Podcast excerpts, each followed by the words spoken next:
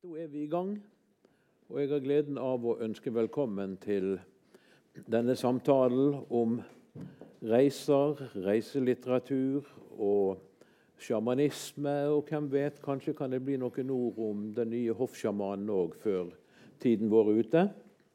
Mitt navn er Jan H. Landro, og kveldens hovedperson som sitter her, er Miré Abrahamsen. Om hun kan det sies mye. Jeg skal ikke si alt, men hun har studert mandarin, vel å merke språket og ikke frukten, i sju og et halvt år i Kina. Der lærte hun seg òg kampsporten wushu, som er sånn som de driver med frem til de blir bortimot 25. Hun var 35 når hun lærte det. Og det hindret hun ikke i å bli verdensmester og tre ganger europamester. Hun har studert russisk i Hviterussland, russisk litteratur i St. Petersburg, arabisk i Syria, eh, kunst i Holland og i Israel. Og hun har skrevet ja, det er rundt ti bøker, tenker jeg. Debuterte med en diktsamling i 99. Har skrevet flere romaner og reiseskildringer. Det er altså en høyst uvanlig person vi har sittende her. Og hun reiser til, de, til steder vi ikke har hørt om, og skriver fra dem. Eh, og I en av bøkene dine så skriver du at 'hjemme er ingensteds og overalt'. Det er vel din uh, egenmelding, det, så å si? Um, jeg begynte å reise da jeg var 16 år, så jeg på en måte vant til å være i mange forskjellige settinger. Og eh, jeg har ikke en sånn overgangsfase, så jeg føler meg veldig fort hjemme i mm. kulturer. Og det har hjulpet veldig mye når man skal skrive om det, selvfølgelig. Og det hjelper selvfølgelig òg å ha den språkkunnskapen du har. Mm. Men eh, hva er det som bestemmer reisemålene dine, da? Eh, det har vært en sånn jevn utvikling fra uh, Midtøsten og Russland. Uh, og så har jeg beveget meg over mot Asia, mer fjerndelen av Asia. Og det har veldig ofte dreid seg om språkinteresse. Mm. men det er litt Det fins en logikk der, fordi jeg tenker at mange av disse kulturene de er, de befinner seg over store områder. Så hvis man er interessert i en kultur som ja, la oss si f.eks. skyterne, da, mm. som uh, spredte seg utover hele Sentral-Asia og store deler av Asia, uh, så blir det veldig naturlig å bevege seg med den kulturen mm. rundt om i interessesfæren. Akkurat. Mm. Og de bøkene vi skal snakke om i kveld, det er de tre siste hennes. Det er denne her, som heter det ville Østen, med undertittel 'En innføring i klassisk sibirofili'. Så er det denne, som har en interessant tittel. Den kan leses som 'Nødhjelp', men jeg mistenker at den òg kan leses som 'Nødhjelp'. Og så den ferskeste, 'Sjamanen i stjerneregn', en reise til Asias sentrum. Eh, alle disse tre er jo reisebøker, men to av de har du gitt romanens form. Hvorfor det? Mm. Uh, den første, 'Det ville Østen', det er egentlig det er sikkert mange som ikke har lest den her. men Det er en reise gjennom Sibir hvor jeg er på jakt etter en uh, boksmester. Um, den er egentlig en sakprosabok, men Jeg er fristet til å være enig i det. Uh, det er det jo, men, for det er jo klassisk reiselitteratur med en uh, fortelling uh, som ramme. men den ble kategorisert som uh, skjønnlitteratur pga. innkjøpsordningen. Fordi mm. det er veldig vanskelig for en sakprosabok å bli kjøpt inn av Kulturrådet. Og dermed så ble det skjønnlitteratur. Men nå er den, den, er kommet ut i en ny utgave, og da er den den har fått merkelappen eh, sakprosa. Ja vel. Og den neste den er òg en roman, og den er jo den tydeligste romanen. Mm. Den er blitt roman fordi at uh, der er det, det dreier seg om en reise til India og Georgia, hvor hovedpersonen eh, får det for seg at eh, hun skal redde verden på egen hånd. Og for så vidt så er alt som står der, faktuelt, men det, i tillegg så er det et par ting som er rent oppspinn. Så derfor så ble det en roman. Mm. Ja, det er jo noen drømmeelementer inni denne. også. Men det er det også. Ja. Mm. Men i en tid da folk reiser mer og mer, og ja, i hvert fall inntil flyskammen tar oss, eh, er det lenger eh, interesse for, hos folk for å lese eh, denne typen reiselitteratur? For det minner jo om den klassiske eh, reiselitteraturen som vi kjenner nesten fra gamle dager. Men det er tydeligvis et, eh, et publikum for dette fremdeles.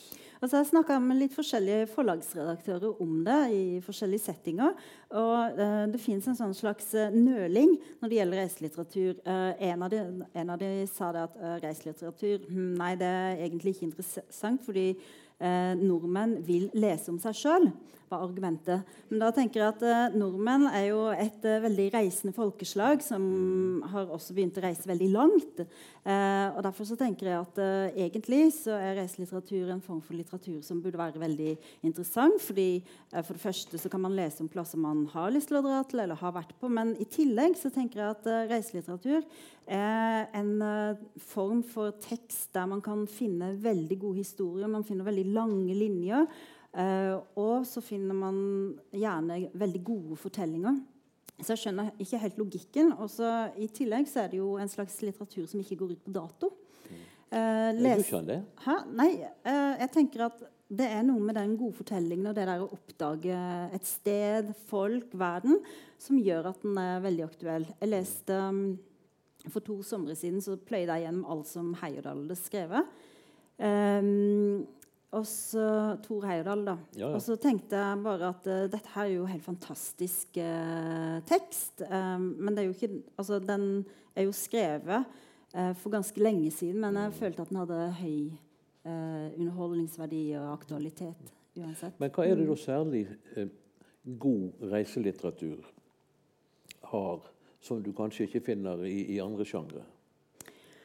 Um, jeg tenker jo at Man kan bruke det som et filter til å se veldig spesielle deler av verden. Oppdage fenomener, mennesker i en annen setting. Men allikevel så Det jeg tenker gjør en reisehistorie veldig vellykka, det er at hvis um, Det menneskelige er jo det samme ikke sant, uansett. Um, så jeg tenker at um, du kan gjenoppdage deg sjøl på en annen måte, i en annen setting, fordi det menneskelige vil alltid være noe du kan leve deg inn i. Er det det du føler du sjøl gjør? Altså Du brukte uttrykket 'gjenoppdage deg sjøl'. Ja, ja nå, jeg- nå snakker jeg for leseren, egentlig. Men når jeg reiser rundt, så er det først og fremst Jeg legger ikke en plan. Jeg har ikke en plan når jeg reiser ut. Eh, det tror jeg avspeiler seg ingenting? Altså, Eh. du må jo vel gjøre visse forberedelser når du skal til land i, langt vekk i stand. Veldig lite. Eh, fordi jeg tenker jeg har en filosofi at jeg skal følge et villspor. Eh, Fordi jeg tenker at en historie blir alltid best eh, ved å gjøre det.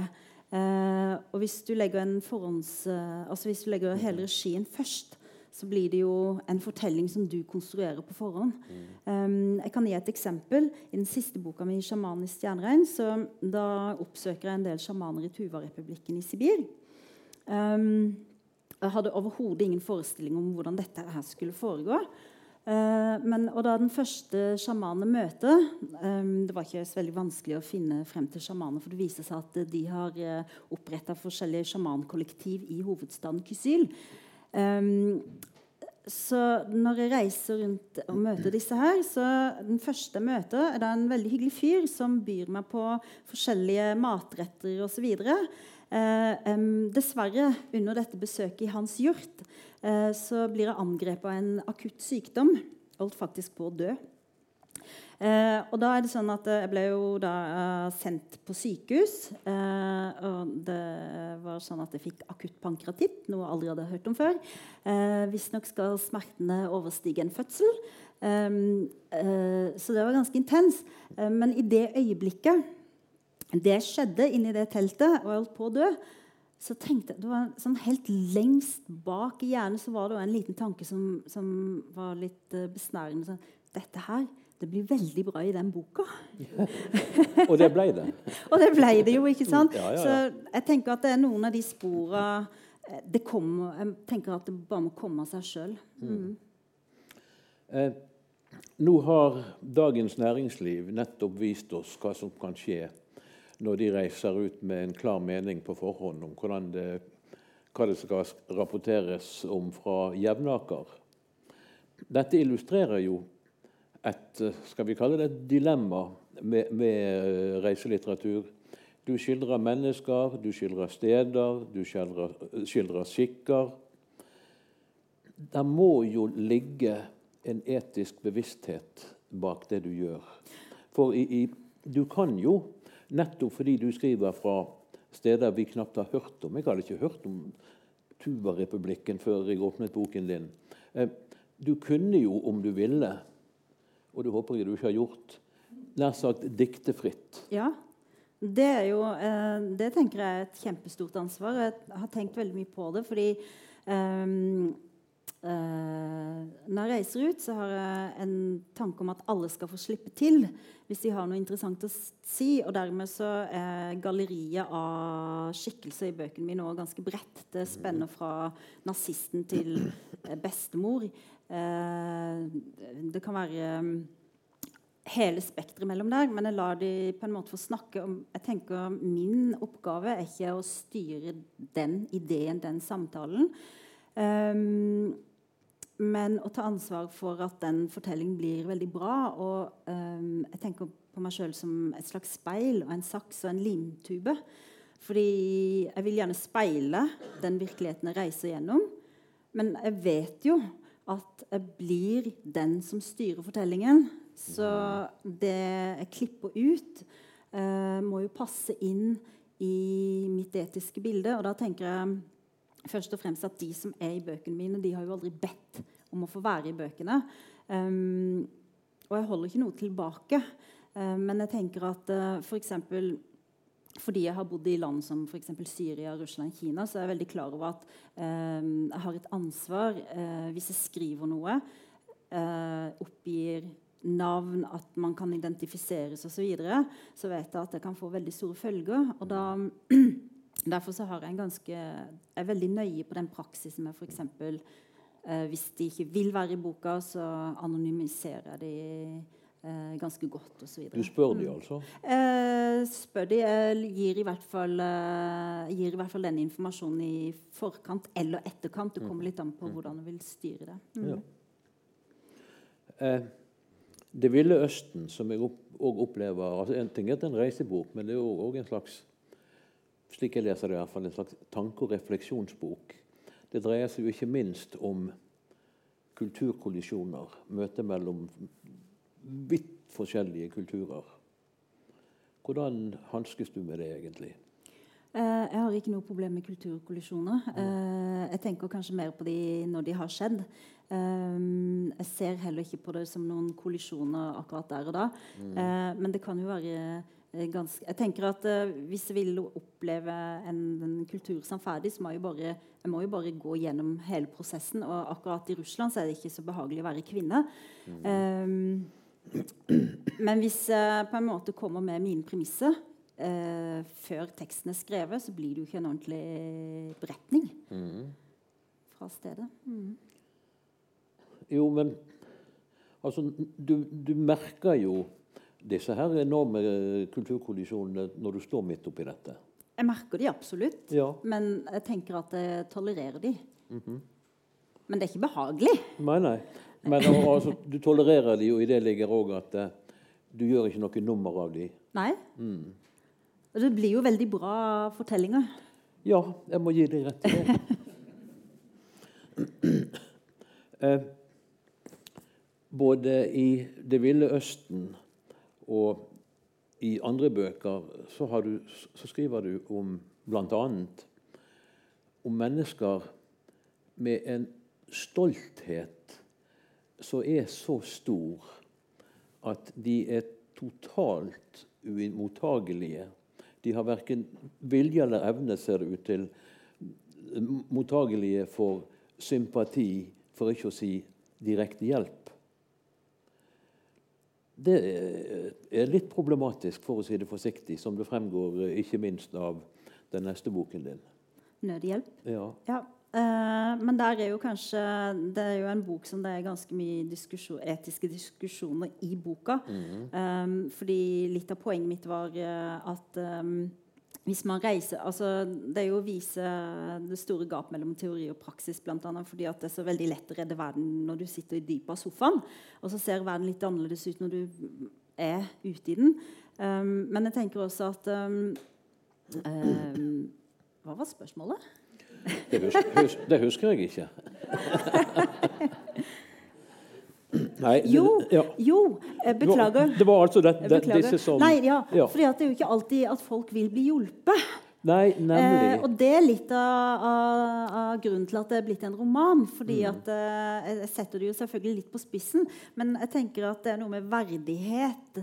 At du går inn i en situasjon, og så på en måte hvis du skal hjelpe en person som ikke vil bli hjulpet, så fratar du vedkommende mm. verdigheten på en mm. måte. Så, ja, mm. Til tross for at du ser, i hvert fall med ditt blikk, at denne personen kunne jo trenge hjelp og kunne få et mye bedre liv ved, noe, ved å få litt hjelp. Ja. Eh, tingen er at eh, I andre del av den boka så er jeg i Georgia, og der eh, oppdager hovedpersonen at der er det veldig mange fattige, men de vil jo helst ikke bli hjulpet. Veldig mange... Um, og Dessuten så har de det så kjekt, fordi selv om de ikke har penger, så har de, de jakter og de sylter og de safter og de har fest hele tida. De synger, de har polyfoni og de har vin. Det, det, er helt fantastisk fabelaktig. Um, men uh, også blir uh, jo jeg eller slash hovedpersonen i boka blir kjent med en flyktning, en sørosetisk flyktning som heter Toma. og Han har en veldig høy grad av stolthet. Uh, så han kan nød, De har ingen penger å leve for, men han kan til nød godta at de kjøper en bolle mm. til 70 øre. Men når jeg prøver også Uh, spandere en uh, tivolibillett eller jeg husker ikke helt hva det var, en bussbillett, eller noe sånt, så blir han rasende. Ikke sant? For det fratar han verdigheten, da. Jeg syns det er et ganske godt bilde på, ja. på sånn. Og til tross for dette så prøver du til og med å, å finansiere utdannelsen hans. Krise de luxe. Ja, det blir krise. Mm. Det blir Hva tenkte krise. du da? Det, det passa fint inn i teksten. Det er jo, jo. en roman. Sitt ikke her og fortell meg at det er det som styrer skrivingen din. Eller handlingene dine. Det er litt komplisert å forklare hele bakteppet, for det var på en måte crescendo. Men eh, det var jo for å tydeliggjøre at, eh, at eh, kanskje hjelp til selvhjelp Selv det kan mhm. være litt i overkant. Av, av og til. Ja, mm. ja. Men den boken, 'Nødhjelp', den har jo òg en første del Mm.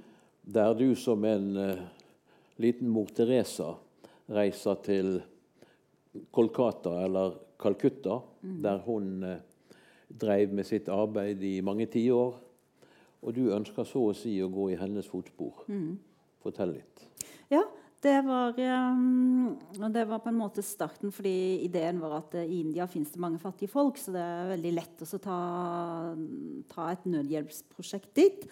Um, og da søker hovedpersonen uh, Hyre på et uh, hjem for døende, og dessuten et barnehjem. Og det blir uh, ganske um, brutale møter med, virkeligheten, fordi for det første så har man Jeg har i hvert fall ingen bakgrunn for å jobbe på et sånt sted. La, la oss bare få én ting klart. Den du omtaler som hovedpersonen, dette er riktignok fiksjon, men eh, jeg går ut ifra at denne hovedpersonen i dette tilfellet har mye til felles med deg. Ja. Akkurat. Stemmer. Bare gå videre, du. Ja. Det kulminerer i alle fall med at uh, virkeligheten blir sånn at, uh, at uh, ikke kan jeg kommunisere. Hele sykehuset er fullt av folk som faktisk dør. Mm. og så er det et veldig brutalt møte med virkeligheten og sykdom og bakterier og virus. Så ironien blir jo at hovedpersonen blir sendt hjem dødssyk om igjen eh, og trenger hjelp. Mm. Mm. Det var kortversjonen. Det var kortversjonen. Men dette møtet med elendigheten, for vi må jo trygt kunne kalle det elendighet, det gjør noe med La oss kalle det hovedpersonen, da. det setter jo i gang en skal vi kalle det, etisk selvransakelse. Jeg tenker kanskje at Hvis man går eh, for dypt inn i verden og prøver å redde den, så på et eller annet eh, tidspunkt så blir man enten uh, blir man absorbert, eller så må man bli kynisk på et tidspunkt. Så mm. hovedpersonen blir jo litt kynisk for det neste landet som kommer opp på agendaen, det er jo Georgia. For da tenker jo hovedpersonen at ok, fattige folk de er fattige, men ikke så fattige. For i India så er de for fattige til å bli Det passer ikke inn i hennes prosjekt. Det, det blir jo et nederlag mm. når uh, hun reiser fra India. Mm. Og hele ideen er jo at, uh, at, det er et slags stort bilde på den norske nødhjelpen. Uh, -hmm. Og hvordan den har fungert eller ja. ikke fungert. Mm. og et av bokens lengste kapitler har følgende tittel Nødhjelpshoring, samvittighetsshopping og utenrikspolitisk gruppe, grupperunk. Eh, er, er, sier dette noe om ditt møte med en brutal virkelighet? Nei, det var egentlig bare for å lage et bakteppe om hvordan eh, Skandinavia har vært de tre flinke brødrene som skal ut og redde verden, og så mm. har de med seg en sånn moralsk sekk på toppen av det hele. Mm. Uh, ja. Mm. Jo, og det, det er greit, men er det òg slik at noen av dine opplevelser, eller hovedpersonens opplevelser, da, eh, passer inn i, i, den beskrivelsen der? Eh, sånn har ikke jeg tenkt på det, men det kan mm. godt være at det funker sånn. Mm. Mm. Nå skal du få lov å vise film. Ja. Eh, betyr det at vi skal over på 'Sjamanens stjerne'? Det er nettopp det vi skal. Ja. Eh, Først lite grann innledningsvis, så vi får vite hva Mm. Som blir å se. Ja, Den siste boka mi er på en måte en tvilling til uh, Det ville østen, fordi at begge bøkene handler, um, uh, har handling fra Sibir. Uh, og Russland har 22 internrepublikker.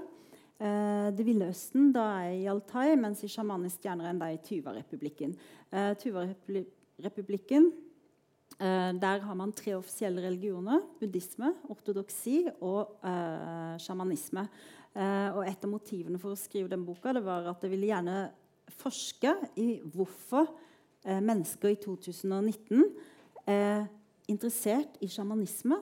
Fordi sjamanen er en slags eh, fortidas Wikipedia som kommer med svar og løsninger på eh, alle mulige slags problemer i en tid der man ikke hadde Google og eh, leger og advokater osv. Eh, sjamanen fylte alle disse rollene. Så jeg reiser til Tuva-republikken for å se hvordan det fungerer, siden det er en offisiell religion der.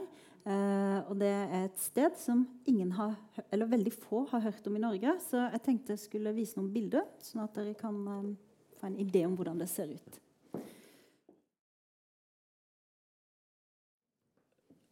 Du vil kanskje mene at uh, disse bildene taler for seg sjøl, men er det noe du likevel kan tenke deg å forklare om det vi så? Kanskje bare akkurat det der med de siste Det der med de flådde bjørnlabbene. For dere lurer kanskje på hva det er. Men bjørnlabber Fordi bjørnen eh, er sett på som det mest eh, viktige dyret innenfor sjamanismen. Eh, Enhver sjaman må ha en bjørnlabb eh, hvis man skal ha respekt for seg sjøl og sine ritualer. Eh, det er for øvrig ritualer som sjamanen er helt fri til å finne opp eh, av seg sjøl. Uh, ja, Så det er på en måte sjamanens Post-It-lapper. Mm. Slik at uh, to sjamaner trenger ikke ha de samme ritualene i det hele Nei, tatt? Nei, de kan finne på de har ganske, Sjamanismen er en ganske sånn uh, elastisk trosretning. Så de har noen elementer som er um, felles, men de kan også finne på veldig mye sjøl innafor. Men jeg tenkte kanskje jeg skal si hva sjamanisme er først. Det må du gjerne. Ja. Og, og, apropos det, du omtalte det som religion. Det er vel eh, litt omstridt? Ja. altså Det som er tingen, det er at sjamanisme det, er veldig, det ordet er brukt veldig forskjellig um, av forskere og menigmann. Fordi forskere har en helt annen forståelse av det begrepet. Og begrepet er forskerskapt. Uh, det dreier seg ikke om én religion, men veldig mange forskjellige trosretninger som han prøver, altså Man har sett noen fellestrekk Eh, Bl.a. troen på åndeverden og troen på at sjamanen er da et bindeledd mellom vår verden og åndeverden og kan kommunisere og løse problemer. og eh, ja, um, så, eh, men det er veldig mange retninger. Det, altså, sjamanisme kan man finne på alle kontinenter, men det er veldig mange retninger som uh, de som utøver disse ritualene, vil ikke være enig i eh, tittelen sjamanisme. Eh, I Norge har man eh, forska det litt forskjellige retninger, hvordan man ser på det. Men eh, bl.a. f.eks. Eh, samisk praksis. Der er det en ganske stor dissens, fordi ganske store deler av forskermiljøet vil si at ja, den samiske troen er jo helt klart innenfor sjamanismebegrep, mens andre forskere er veldig nølende på det. ikke minst fordi at det er ingen kontinuitet i den tradisjonen. Det er en brutt tradisjon. ikke sant? Så, Mhm. mm. Men uh, gjelder det samme for uh, sjamanen i Tuva? I Tuva så er det altså Der har man eh, en veldig eh, altså Tuva er et av kjerneområdene for sjamanisme. og Det er veldig mange av de små eh, minoritetene i Sibir som praktiserer sjamanisme. Eh, men det er nysjamanisme fordi eh, under Stalin så hadde man en utrenskning, og sjamanene ble også eh, sett ut som folkefiender. Eh, så eh, På begynnelsen av 1900-tallet så hadde man 730 sjamaner, kvinner og menn. Eh, men etter at Stalin hadde hatt en utrens utrenskningsperiode, eh, så var det ingen igjen i slutt, på slutten av 1950-tallet. Ingen i det hele tatt? Nei, altså i hvert fall ikke offisielt. Eh, da var de eh, skutt, de var brent, levende inne i hjorten sin gjerne sammen med familien. Eh, og det, har- det du kaller jurt, det er altså et slags det, telt? som dette de... runde teltet. Ja. Så, for dette er jo nomadeland der man tradisjonelt sett har bodd i telt. Og så hadde man en eh, ganske røff eller brutal eh, og bestialsk metode. For man har en slags eh, forestilling om at sjamaner eh, har et livstre i midten av Sibir. Og der eh, vokser på en måte sjamanene opp i dette treet. Da. Eh, den legende. Eh, og da hadde man i sovjettida så tenkte man at ok, da tar vi sjamanene opp i et fly, og så kaster vi de eh, ut i lufta. For da kan de på en måte teste flygeferdighetene sine. Så det var veldig mye stor fantasi og kreativitet. Men i alle fall så var det sånn at alle var borte i 1950-åra. Det er nå, eh, etter Sovjets fall så har det vært en oppblomstring igjen rundt denne kulturen. Eh, Tuva er også den eneste republikken i eh, Russland der den ortodokse kirke ikke hadde en oppblomstring etter 90-tallet. Fordi på en måte sjamanisme, buddhisme og eh, altså det som er de opprinnelige trosretningene, fyller ut det rommet. Eh, ja. Så det de praktiserer jo da, det er ganske annerledes. fordi eh, tidligere så var sjamanen eh, litt sånn utenfor-figur i samfunnet som tjente sitt eh, miljø. Eh, man fikk de kreftene i arv. eh, og en sjaman prøvde å unndra seg kallet, for det var en ganske ensom og hard jobb. Mens i dag så Jeg kommer til Kysil og lurer på hvor sjamanene er. ikke sant? Kysil er hovedstaden. Eh, nei, sjamanene sitter på kontor. De har laga sjamankollektiv. Eh, og de har kontortid. Eh, og, eh, veldig ukomplisert. Eh, og de kan bare bli sjamaner hvis de har lyst til det. Eh, de har stor reisevirksomhet. De er veldig opptatt av å spre kulturen sin. Eh, og eh, det er en del sånn andre kriterier som gjør at eh, det er nysjamanisme. der. Men når du sier de kan bare bli sjamaner hvis de har lyst til det De Ja. må jo gjennom et dyrisk ritual. Ja, de må, altså, de må gjennom noe som heter sjamansykdommen, som er en sånn ting som ingen ville helt fortelle meg hva det var for noe. Eh, men det er en slags sykdomsperiode som gjør at man blir sjaman. Det er, det er mye mystikk. Eh, og det som er problemet, det er jo at, at eh, å være en sjaman Det, er jo det fins jo ikke noe sjamanometer som man kan stikke inn i sjamanen og liksom måle kreftene. Eh, og de, det er jo en del som gjør penger ut av det. De, det er jo noen sjamaner man kommer ned og så har de en prisliste eh, på forskjellige ritualer. Eh, og da kan det være ganske fristende å bli sjaman. Eh, så det er selvfølgelig veldig vanskelig å vite hvem er en sjaman og hvem er en sjarlatan. Eh, mm. Ja, det rimer jo. Ja, det rimer. Men eh, det er noe veldig interessant i, i, det du beskriver i boken. At, eh, at du har de som tror på sjamanene, det er du som absolutt ikke tror på dem. Men de som absolutt ikke tror på dem, Mm. er likevel redd dem. Ja, fordi eh, det fins utrolig mange paradokser innenfor dette her. Eh, og det som er rart, det er at sjaman har jo tradisjonelt vært eh, lege, psykolog, eh, ekteskapsrådgiver, kan følge døde sjeler til eh, den siste hvile osv.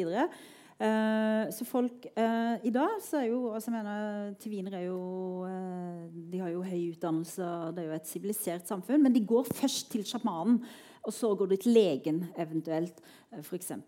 Um, så eh, de respekterer sjamanen. Um, men selv de som jeg traff, som var veldig skeptiske, og de sa at sjamanisme det er noe tøys og det er noe tull og uh, ingenting å tro på, og sånn, de ville alltid avslutte resonnementene med et sånt lite men du må være litt forsiktig, for eh, du vet aldri hva den sjamanen kan finne på. Så, sånn helt bakerst i bevisstheten så fantes det også en sånn kollektiv redsel. Og, og da snakker vi om sjamanens eh, negative krefter. Ja, ja, fordi at den som har kontakt med åndene, kan jo òg kaste en forbannelse. ikke sant? Hvor nær kontakt lot du deg på noe tidspunkt, du som har det med å være nær, døden nær. Lot du deg på noe tidspunkt eh, behandle av en sjaman? Ja, det gjorde jeg. Jeg var med på noen ritualer. Eh, og det var jo eh, en ganske særegen opplevelse å få en sånn bjørnlabb over hele kroppen og litt forskjellige ting. Jeg vet ikke om kanskje ritualet hadde virka litt bedre hvis jeg hadde trodd på at det skulle virke. altså placeboeffekten. Og jeg tenker at Sjamanen er veldig gode til å bruke placeboeffekten. Og det tenker jeg kanskje det er bra, fordi jeg ser jo det i Tuva. fordi jeg reiste jo for å se hva er poenget med sjamanen i 2020. Og jeg ser jo det at folk kommer dit, og de kommer inn, og så får de en konsultasjon, og så får de et godt råd, og så går de ut og så er de, føler de seg litt letta. Eh, så jeg tenker En sjaman kan f.eks. ha en, en ganske lik effekt til en psykolog eh, på det beste.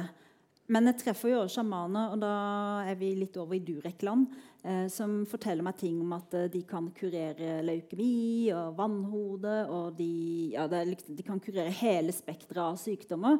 Så når eh, Jeg hadde nettopp kommet ut med den boka når Durek dukker opp.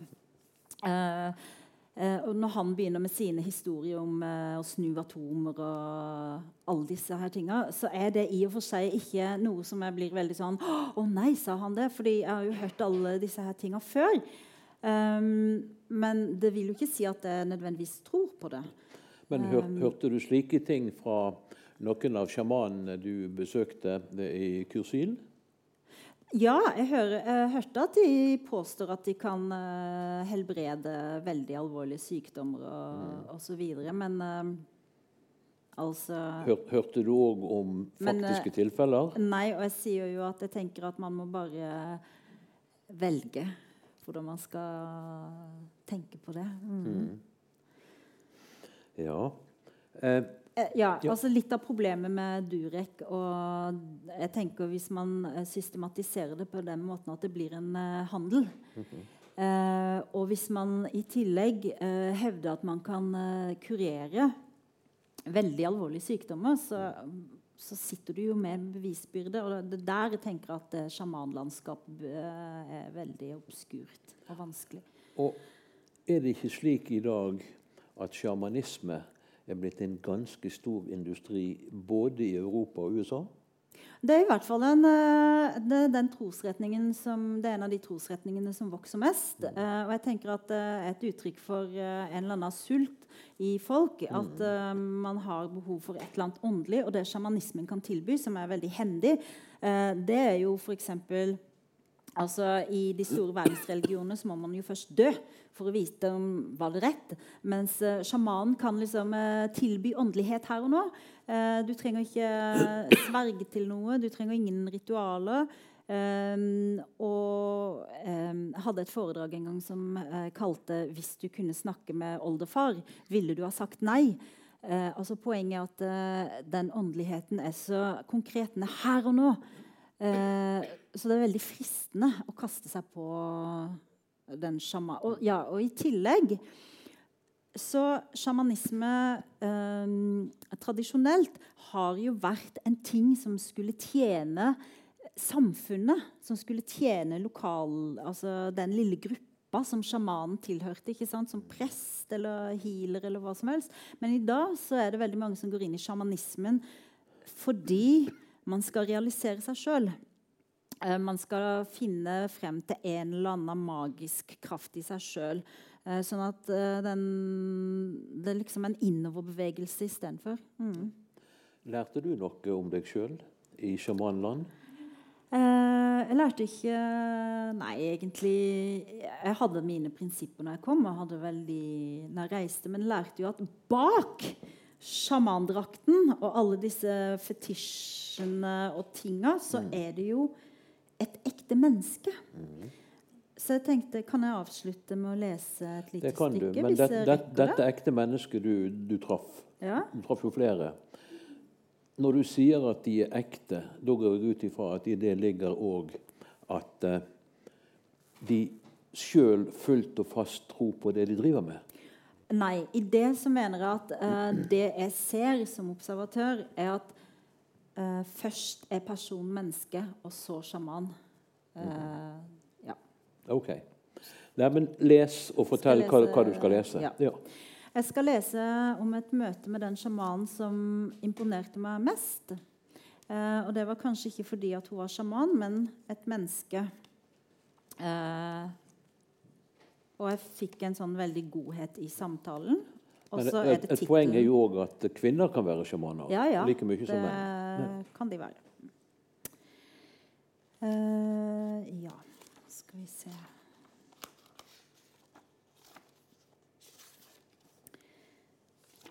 uh, Ja. Trenger du sjamanhjelp? Nei, jeg tror det er Durek som uh... Nei da. Skal vi se Jeg har det jo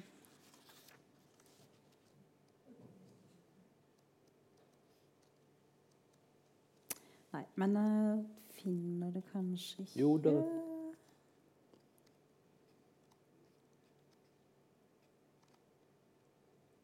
Jo. Lena. Beklager. Lena skiller seg ut fra andre tyvinere jeg har møtt, ved at hun syns å like å prate. Hun deler store og små tanker, stemmen kommer som en beroligende jevn strøm, fortellingen pipler ut i passe mengde. Det hun sier, har jeg lyst til å høre på. Men de andre sjamanene har jeg hatt mange spørsmål som jeg har ventet med å lirke inn på rett tidspunkt. Det føles alltid litt ubehagelig å punktere den ladede stillheten. Lena har jeg ikke lyst til å spørre om noe. Jeg vil bare være med henne som en vanlig venn. Hun forteller selv fritt om livet hjemme utenfor byen, om faren som hun elsket så høyt. Han var så snill mot henne. Fortellingene går litt tregere, for hun får indre bilder hun må stanse og betrakte. Så fortsetter beretningene.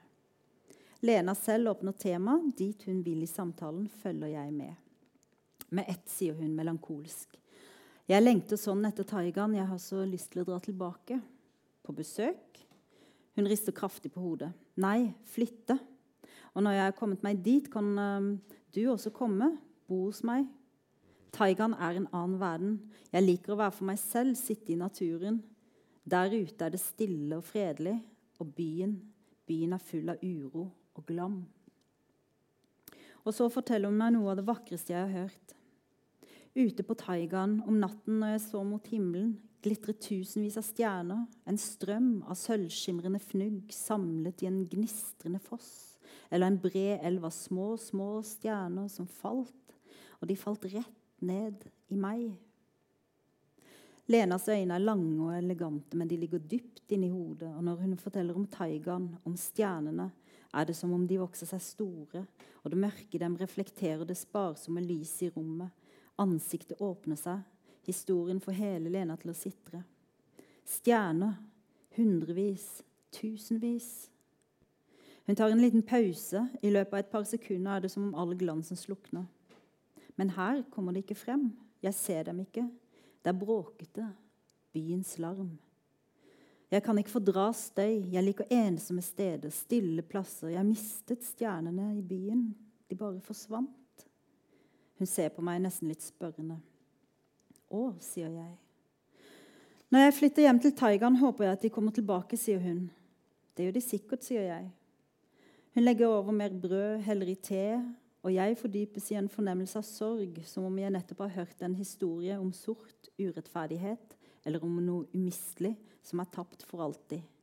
Noe som har gått i stykker. Da sier jeg tusen takk til Miri Abrahamsen, og tusen takk til publikum.